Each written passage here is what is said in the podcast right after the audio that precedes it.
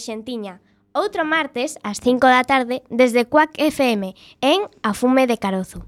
O programa de radio promovido polo equipo de dinamización da lingua galega do Colexio Calasanz, Escolapios, da Coruña, que se emite desde o 5 de maio de 2009.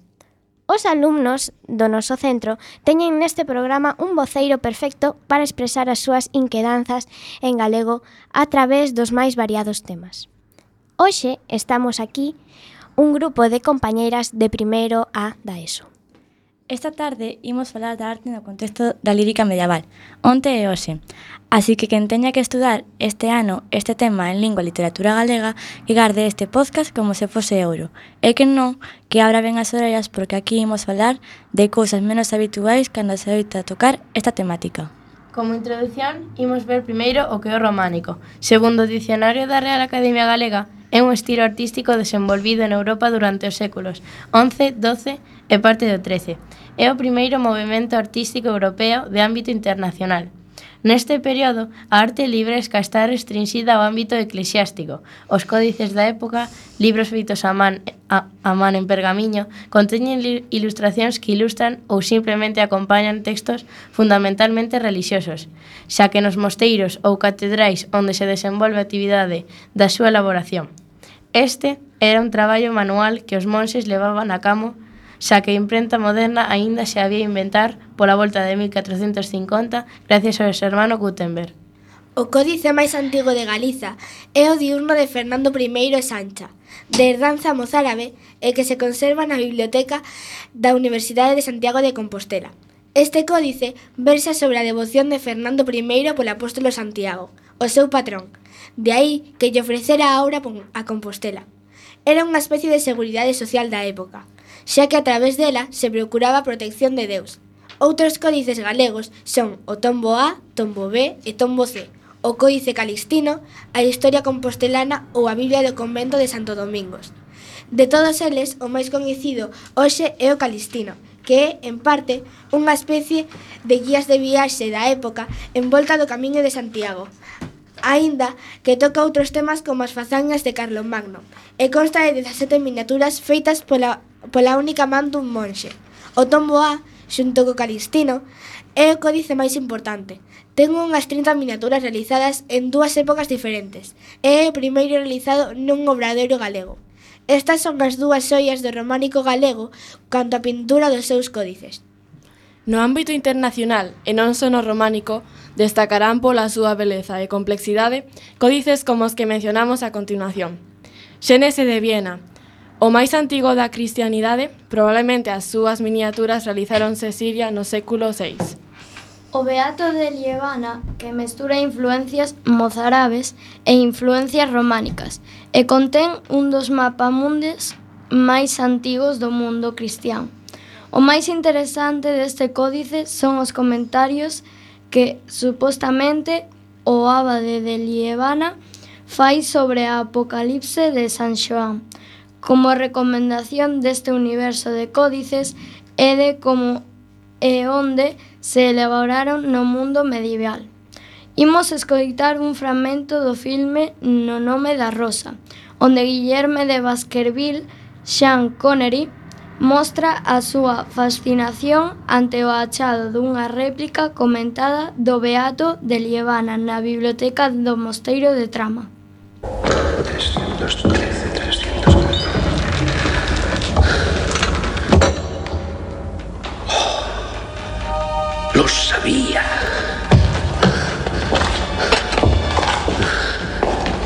Hatso, lo sabía. Ah.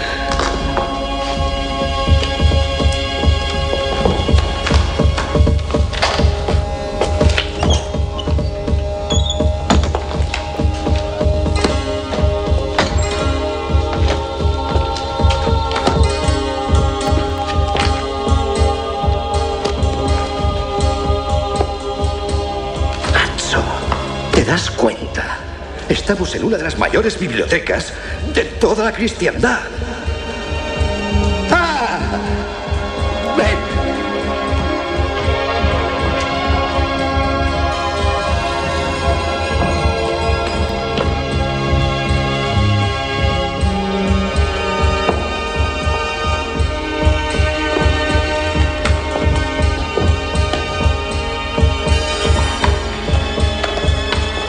¿Vamos a encontrar el libro que buscamos?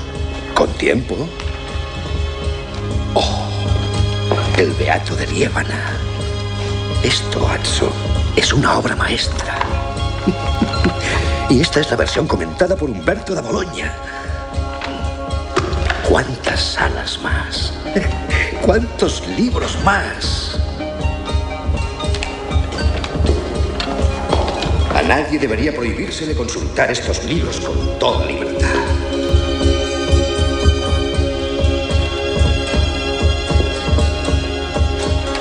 Tal vez se los considera demasiado preciosos, demasiado frágiles. No, no es por eso, eso. Es porque a menudo contienen un juicio diferente al nuestro. E ideas que podrían llevarnos a dudar de la infalibilidad de la palabra de Dios.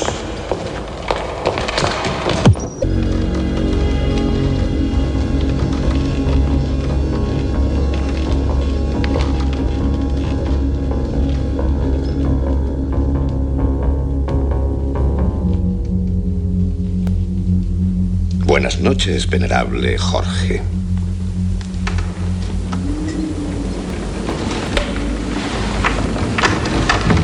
Hace ya bastantes días que os estoy esperando, Guillermo. Habéis tenido que venir volando para llegar antes que nosotros.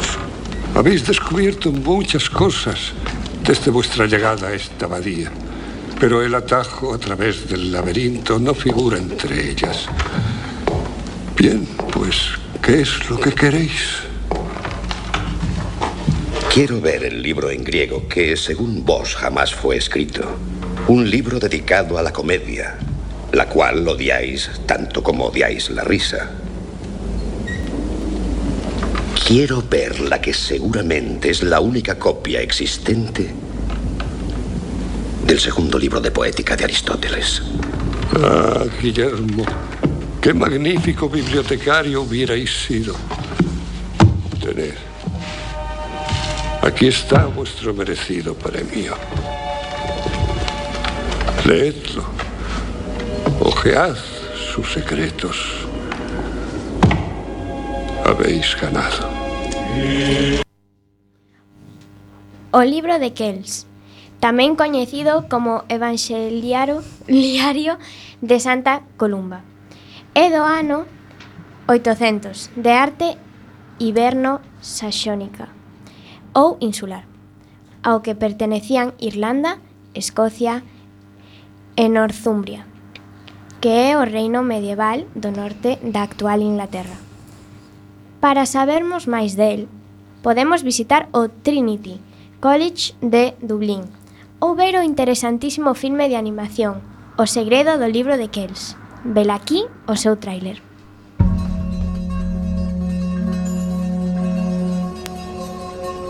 He vivido muchas épocas. He visto a los hombres del norte invadir Irlanda y destruirlo todo en busca de oro. Un día ese horror llegará aquí. Precisamente por eso debemos estar preparados. El libro está a salvo y tengo la intención de terminarlo. Debo confesarte, muchacho, que no he sido muy sincero contigo. Tú debes hacer la página. No hay nadie más, solo tú y tu imaginación. ¿Tienes miedo? Falta un día para que los vikingos ataquen Kel. Las puertas no resistirán. Debemos huir de aquí. Las puertas resistirán. ¿Qué haces aquí? Oh, es muy peligroso. Vámonos. Mira, el ojo de cristal. Tengo que entrar allí. Es una trampa. Si no lo intento, el libro quedará incompleto.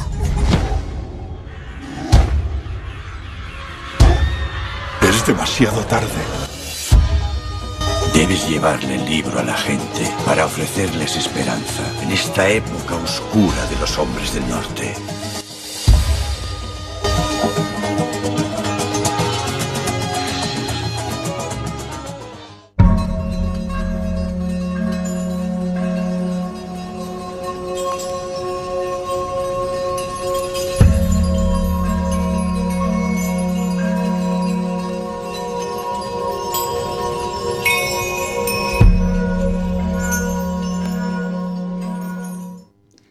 Outra xoia coñecida internacionalmente é o cancioneiro de, Ge de Jean de Monchanet, do ano 1470, con forma de corazón e que pode visitar na Biblioteca Real de Dinamarca.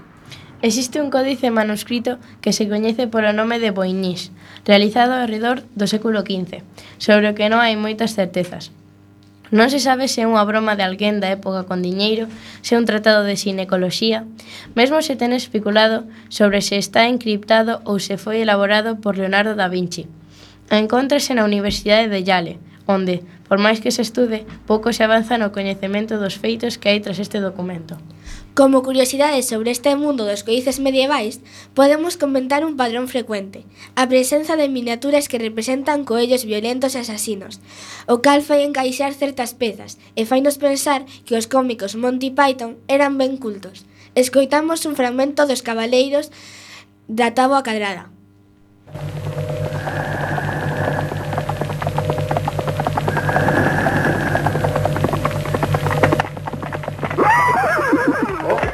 Están nerviosos, señor. Los dejaremos aquí y seguiremos a pie. ¡Desmonten!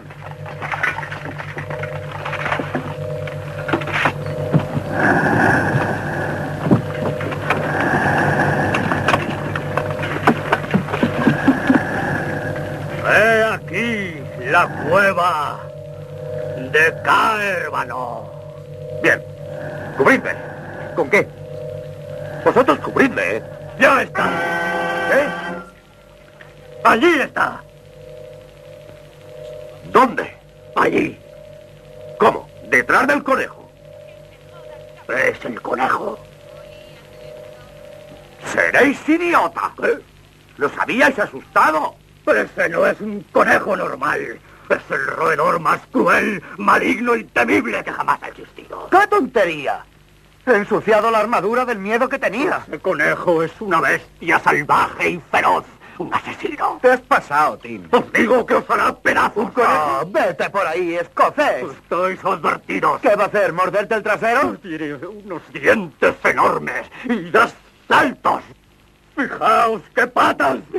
Anda, Bors, córtale la cabeza. Ah, esta noche cenaremos conejo al ajillo. ¡Mirad! ¡Maldita sea! ¡Os lo advertí! Vaya con el conejo. Pero claro, eres muy listos. ¿Con qué conejo al ajillo, eh? Siempre pasa lo mismo. Siempre pasa lo mismo. ¡Ya está bien! ¿Me escuchan? ¡A la carga! ¡A la carga! ¡A la carga!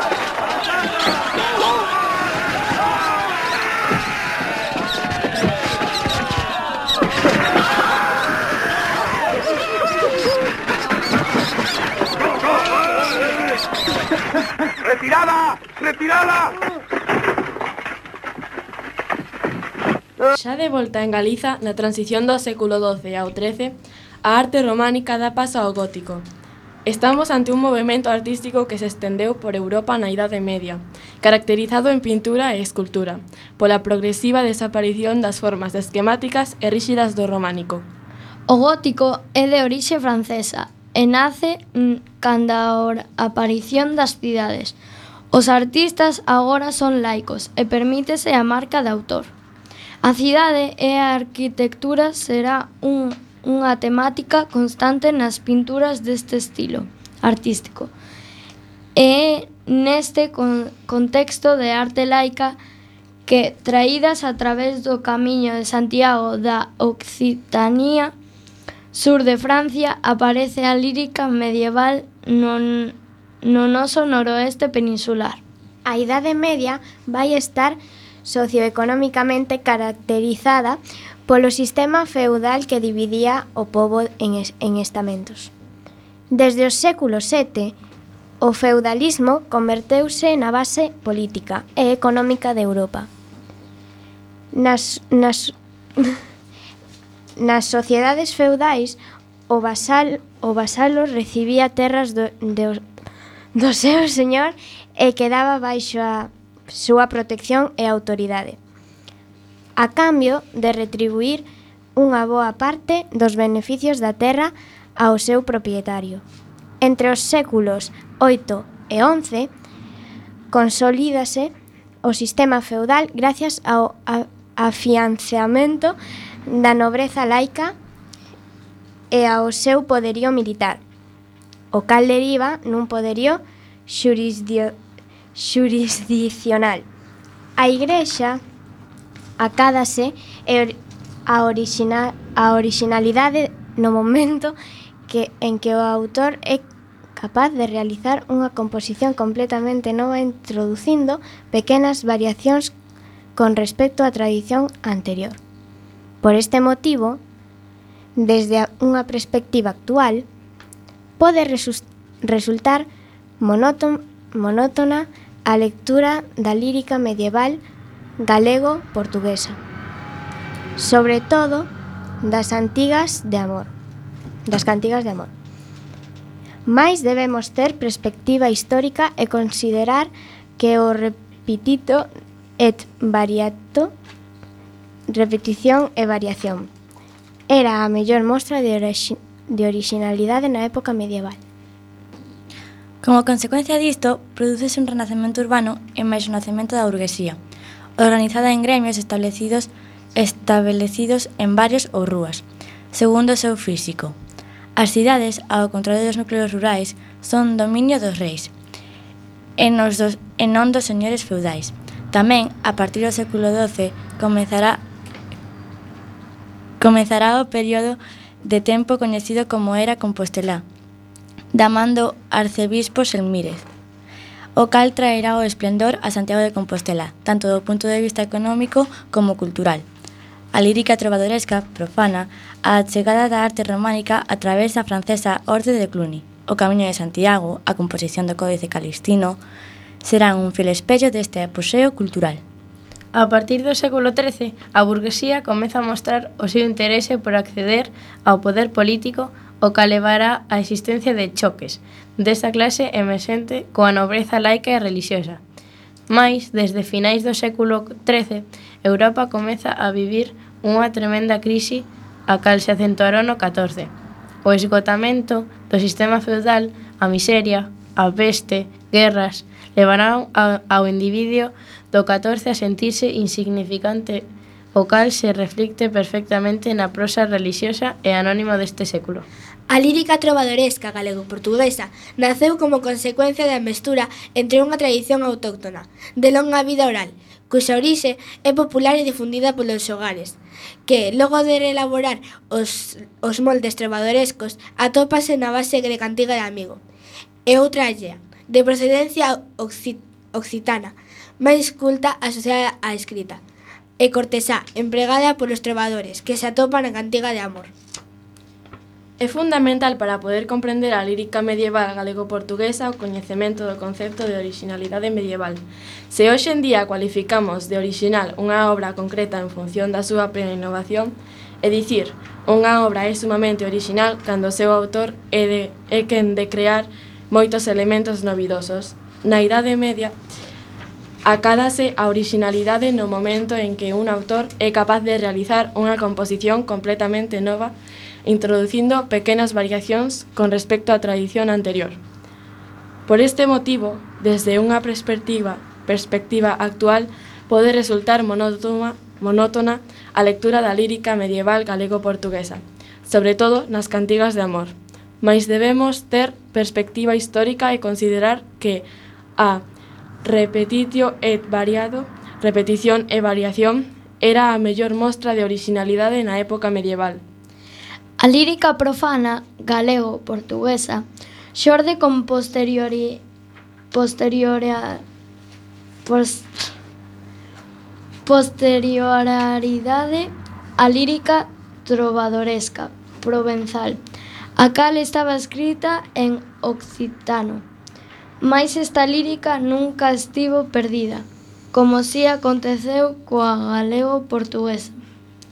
Por estes dous motivos tendeu a dicirse durante moito tempo que a nosa lírica trovadoresca non é, era máis que un simple imitación da provenzal.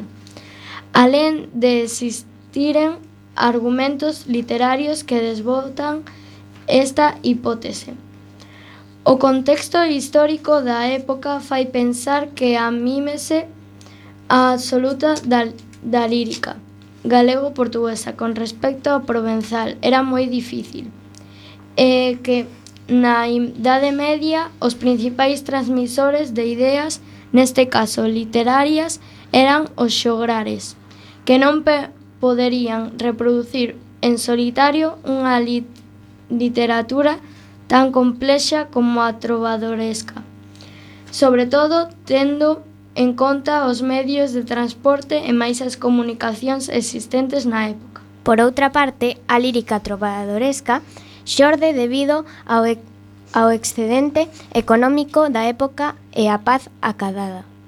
Debido a esta, a esta circunstancia, os señores feudais da Compostela do século XII non estaban na obriga de organizaren xustas nin torneos coa finalidade de adestrarse, senón que podían vivir rodeados de luxos e dedicárense ao cultivo das letras. Tamén influiu no desenvolvemento da nosa lírica trovadoresca o feito de que coincidisen nunha determinada altura na mesma corte trovadores en galego e en provenzal debido ás circunstancias sociopolíticas da época, o exilio en Castela dos poetas occitanos após a loita contra os cátaros, aínda así, os galegos non copian os occitanos, senón que adaptan a súa idiosincrasia particular determinados elementos. O Camiño de Santiago favoreceu a chegada do lirismo provenzal. A lírica profunda trovadoresca desenvolvese nas cortes. É a única corte existente en Galiza no século XII. Estaba en Santiago de Compostela. A corte compostelá non ten nada que ver coas refinadas cortes occitanas, mas a cidade de Compostela si era centro de peregrinación de toda Europa, o cal favorece a chegada á corte de innovacións poéticas, as cales serán combinadas coa tradición galega. Non obstante, compre subliñar que a tradicionalmente denominada Corte de León non deixou de ser unha corte galega. Con, como, non deixo, como non deixan de subliñar historiadores actuais. Nas propias composicións provinciais falase dos reis leoneses como monarcas dos galegos.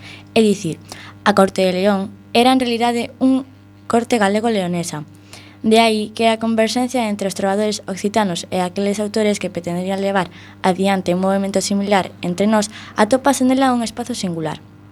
Polo demais, a corte rexiar leonesa compre sumar aínda, neste proceso, as cortes dos señores feudais e galegos e, feudais galegos e portugueses interesados na programación dunha forma literaria ou socioliteraria, que cadraba perfectamente coa súa proxección social e cos seus intereses culturais. Imos facer unha nova pausa, agora escoitaremos Doa, que interpreta na cantiga de Amino, Amigo de Mendiño, Sediame eu na ermida de San Simón.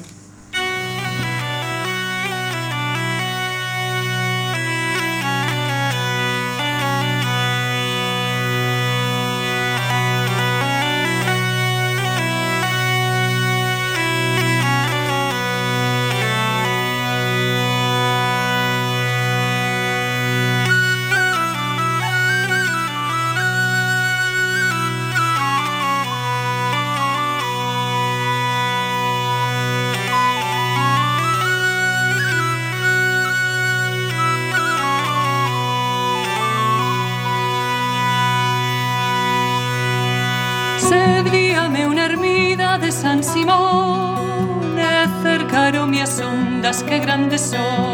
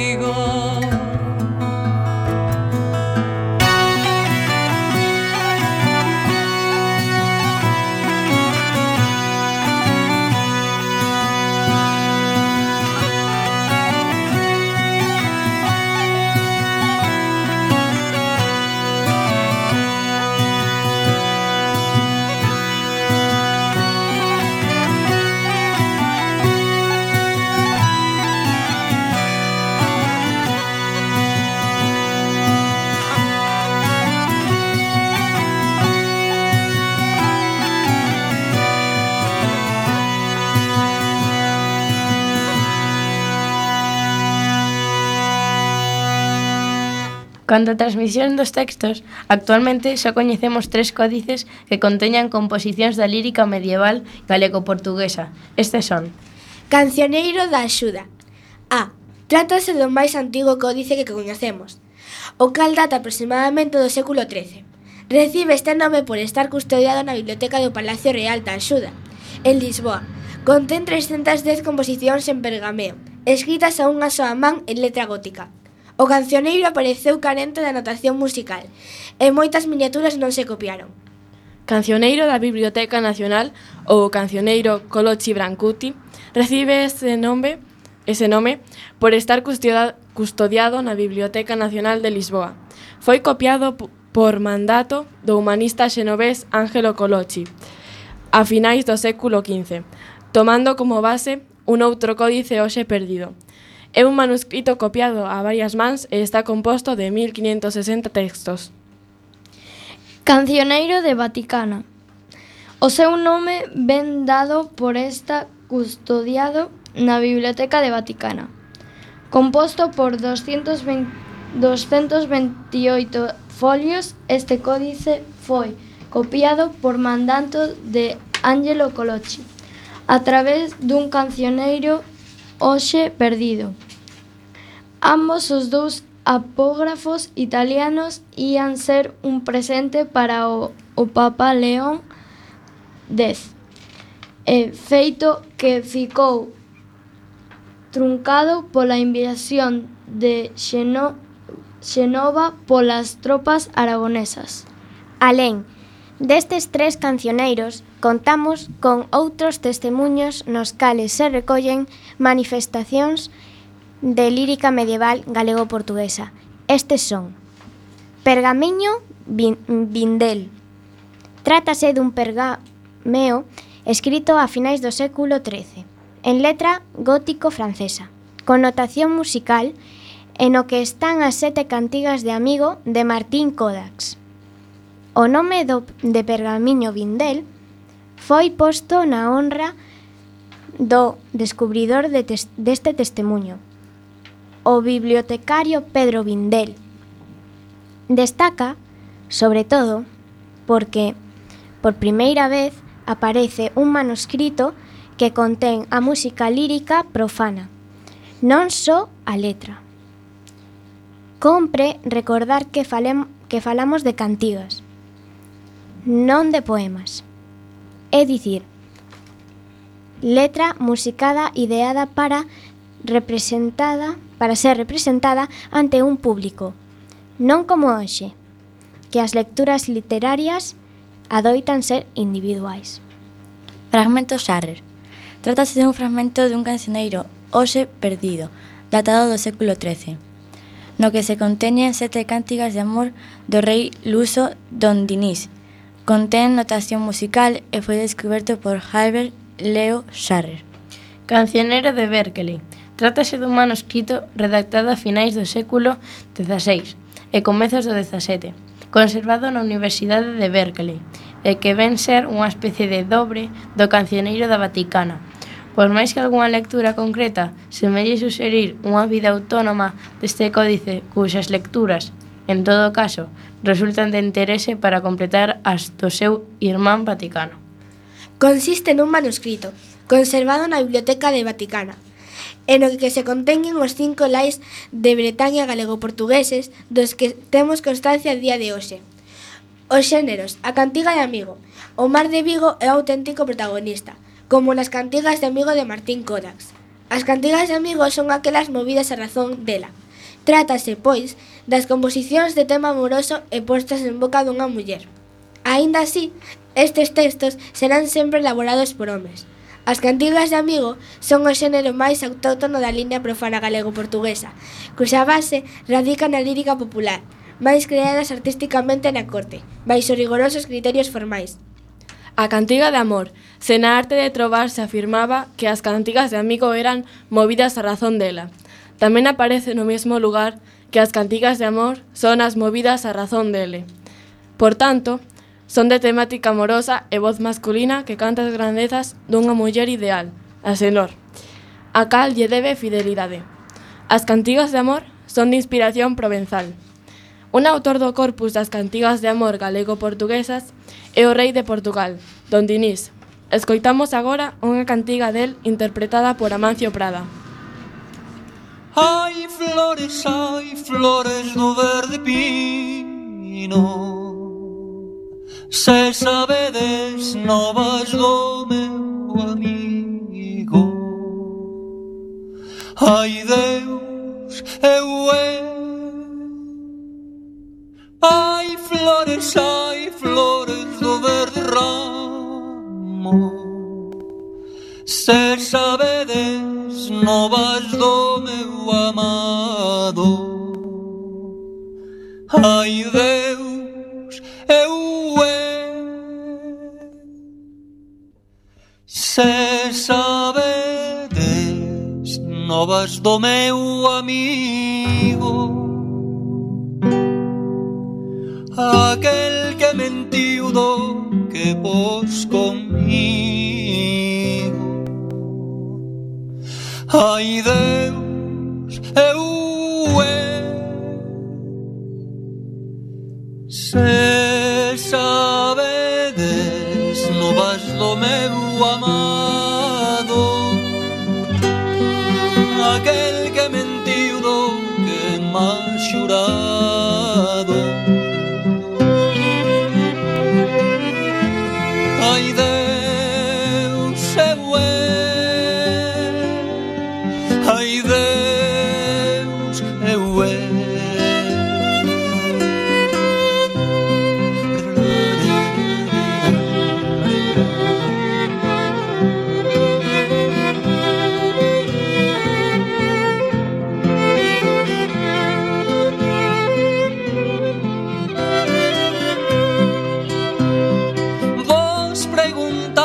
globoso amigo.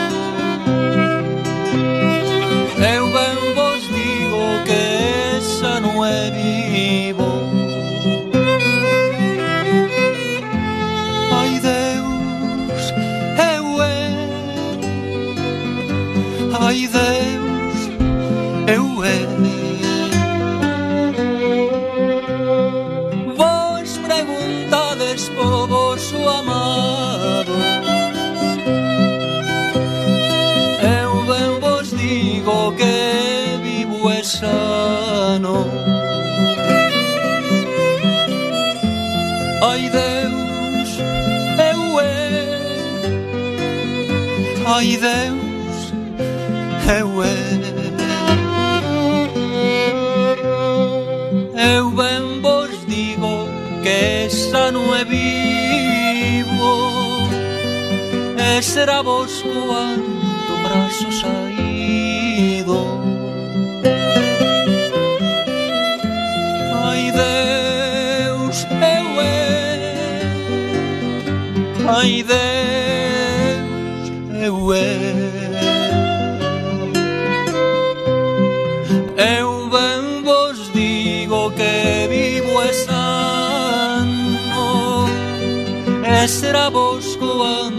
braço baixado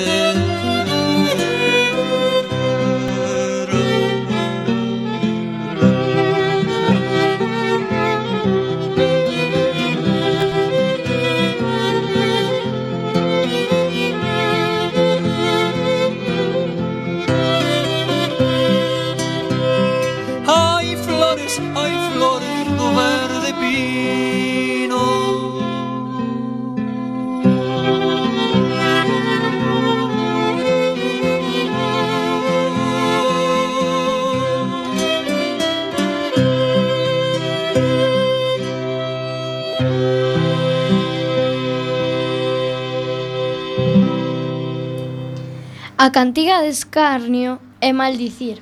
Estas cantigas satíricas orixináronse sobre unha antiga poesía autóctona, de tradición oral e a influencia dos sirventes, que se servía da estrutura e melodía dunha canción persistente e, ao contrario das cantigas satíricas, tiña unha finalidade moral e social, e non pretendían divertir. As cantigas de escarnio son aquelas nas que o poeta diz mal de alguén con palabras descubertas. Mentres que nas de maldicir o fai de descubertamente. descubertamente.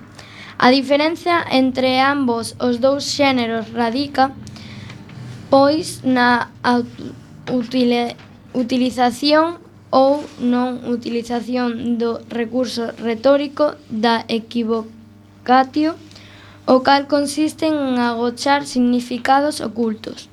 As cantigas de escarnio, xa que logo serían as que contarían no seu interior co recurso da equivo equivocatio, a burla encuberta ou descuberta, é sumamente importante no contexto medieval posto que as composicións eran lidas en público e en moitas ocasións supoñemos ante a persoa escarnida. Existen outros xéneros menores como a tenzón, a cantiga de seguir, o pranto ou o sirventés moral, que non sufriron mestizaxe e os xéneros contaminados, que si sí os sufriron como a alba, a pastorela, o lai de Bretaña ou o descordo. Importante é tamén a lírica religiosa galego-portuguesa, que xorde por imitación da lírica profana, amorosa e está representada polas cantigas de Santa María. Trátase de 427 composicións, da autoría do obradoiro toledano de Afonso X, surdidas como consecuencia do afervoado culto á Virxe o cal se vai, se vai producir sobre todo a partir do século XI.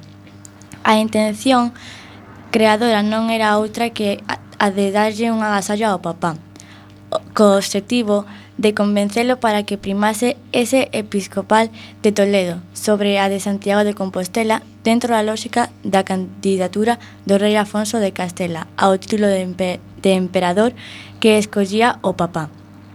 Pode parecer paradoxal que o rei sabio usase a lingua galega para conseguir un obxectivo desfavorable para Galiza. Mais debemos ter en, en conta que na Idade Media considerábase na maioría da Península Ibérica que o galego-portugués era a lingua máis idónea para a creación lírica. As, can as cantigas de Santa María trasladan o amor cortés ao plano relixioso. Mais agora o poeta non, no canto de, su, de xurar fidelidade a unha senor, Xuraralle predirai a virxe, e se na cantiga de amor o poeta cantaba as cualidades dunha muller ideal, nas cantigas de Santa María cantara, cantarase a Virxe María.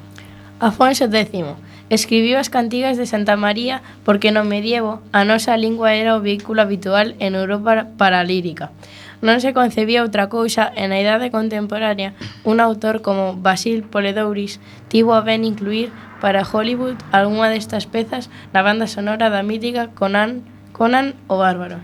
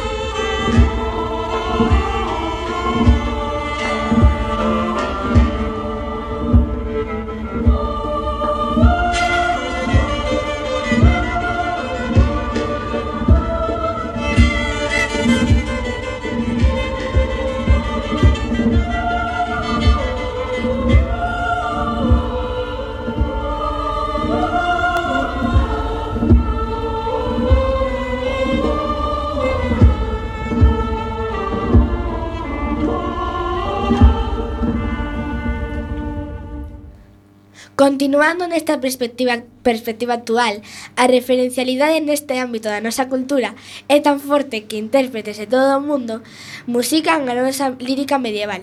Un exemplo disto é o da polaca Paulina Seremusinska, que viu vivir a Compostela para investigar e interpretar estas cantigas. Paulina afirma que as cantigas de amigo agochan aínda moitos tesouros por descubrir. Este xénero poético musical parece tan simple e insenuo que a súa profundidade pasa moitas veces desapercibida, engade. Así é todo, as cantigas de amigo non son un simple xogo de paralelismo e imágenes bucólicas. É unha voz firme e conmovedora que expresa as emocións máis profundas e importantes, o desexo, o amor, o placer, a desesperación, o odio. É o que, o E o que é moi importante esta vez foi sempre e te, e sempre ten, ten que ser cantada. O estilo musica, musical das cantigas de amigo é o propio da miniatura.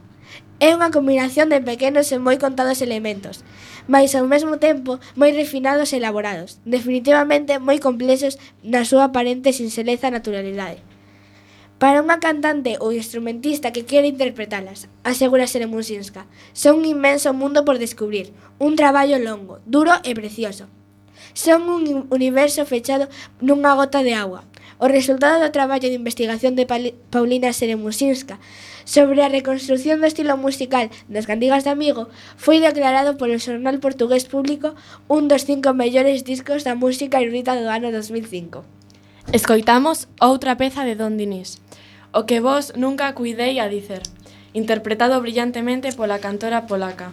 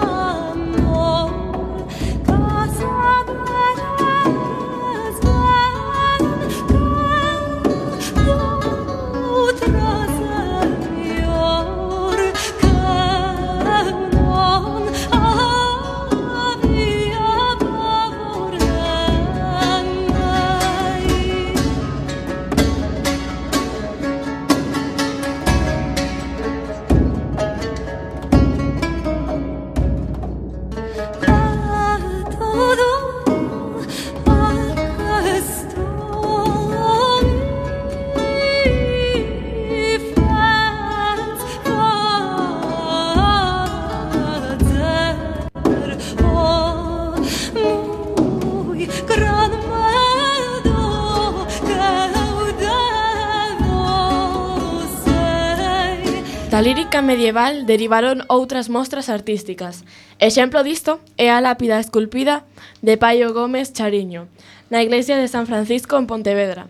Paio era trovador e mecenas da propia igrexa citada.